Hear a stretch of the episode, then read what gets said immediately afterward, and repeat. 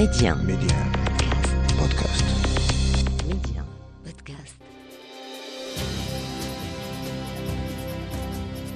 كما أشرت إلى ذلك في الحلقة السابقة أغلق مطار بيروت بعد الوصول مباشرة ووجدت نفسي في قلب المعمعة لقد اشتد القتال وبات القضاء على آخر مواقع المقاتلين الفلسطينيين الموالين للزعيم الراحل ياسر عرفات أبو عمار قريبا.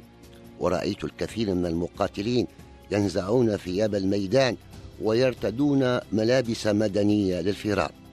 وقبل ذلك وفي الخامس عشر من أبريل 1985 قبل مجيئي إلى بيروت بأزيد من شهر في ماي قام تحالف بين حركة أمل التي سيطرت على بيروت في مارس 84 وميليشيا الحزب الشعبي بمهاجمة حركة المرابطين الميليشيا الناصرية السنية الرئيسية وأقرب حليف لمنظمة التحرير الفلسطينية في لبنان.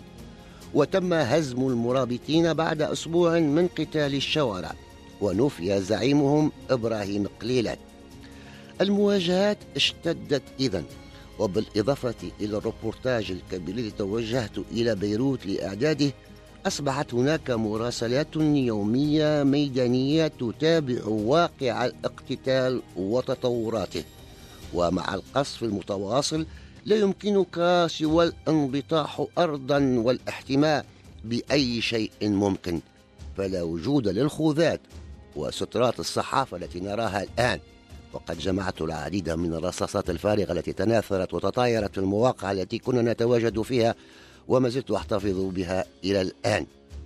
الصراع كان بالأساس في بيروت الغربية حيث يوجد مخيما صبرا وشتلة ومخيم برج البراجنة لقد نزلت إلى الجنوب وصعدت إلى الجبل جبل الشوف الذي كان وبحلول منتصف العام 85 مسرح صراع بين أمل والحزب التقدمي الاشتراكي الدرزي بزعامة وليد جنبلاط الذي التقيته كما التقيت أغلب الفاعلين في تلك المرحلة.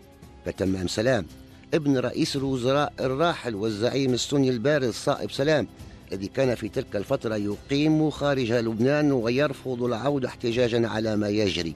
وتولى ابنه رئاسة جمعية المقاصد الخيرية أبرز الجمعيات السنية وذات الحضور الكبير. مع وليد جنبلاط والتمام سلام أجريت حوارات صريحة كما التقيت مسؤولين في حركة أمل ومسؤولين فلسطينيين كذلك لكن بطريقة مختلفة حيث يتعين الوصول إلى مواقعهم. ثم كانت الرحلة إلى صيدا عاصمة الجنوب اللبناني وصور للقاء رباب صدر شقيقة الإمام موسى صدر المختفي في قضية لها علاقة بنظام العقيد معمر القذافي لم تحل الغازها حتى الآن. وفي الطريق حواجز مختلفة. وعند كل حاجز يجب عليك أن تظهر جواز مرور الحزب الذي تقيم ميليشياته هذه الحواجز. وقبل أن نغادر بيروت أخذني السائق الذي رافقني طيلة مقامي جانبا وهو كردي. ولن أنساه فقد كان ينقلنا إلى مواقع قريبة من ساحات القتال. أخذني جانبا وقال لي اطلب من زميلك الفرنسي دانيال فيران أن يصمت عن الكلام عند كل حاجز وحتى دخول منزل رباب الصدر والعودة إلى بيروت. فلو سمعت كلمات بالفرنسية لندري ما الذي سيحدث؟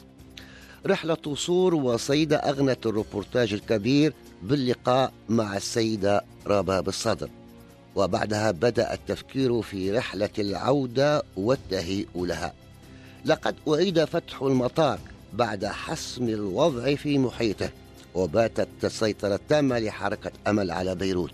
لكن كان هناك حضور للحزب الاشتراكي التقدمي في بعض المواقع. وكان لابد من تأمين وصولنا إلى المطار فطريقه محفوفة بالمخاطر وشبح الاختطافات ما زال قائما. وكما أشرنا إلى ذلك سابقا فقد تم تأميننا حتى المغادرة نحو باريس ومنها إلى الدار البيضاء من عناصر الحزب الاشتراكي التقدمي بزعامة وليد جنبلاط. لقد وصفت الحرب الأهلية اللبنانية بأنها مسلمة مقابل مسيحية. لكن في الواقع كانت صراعا متعدد الأوجه فيه قدر من العنف بين الفصائل من أعضاء نفس الدين بقدر ما كان هناك عنف بين المسلمين والمسيحيين. بعد العودة كتبت في العاشر من يونيو 1985 غدا يمضي أسبوع على عودتي من لبنان واليوم فقط استطعت أن آخذ قلمي.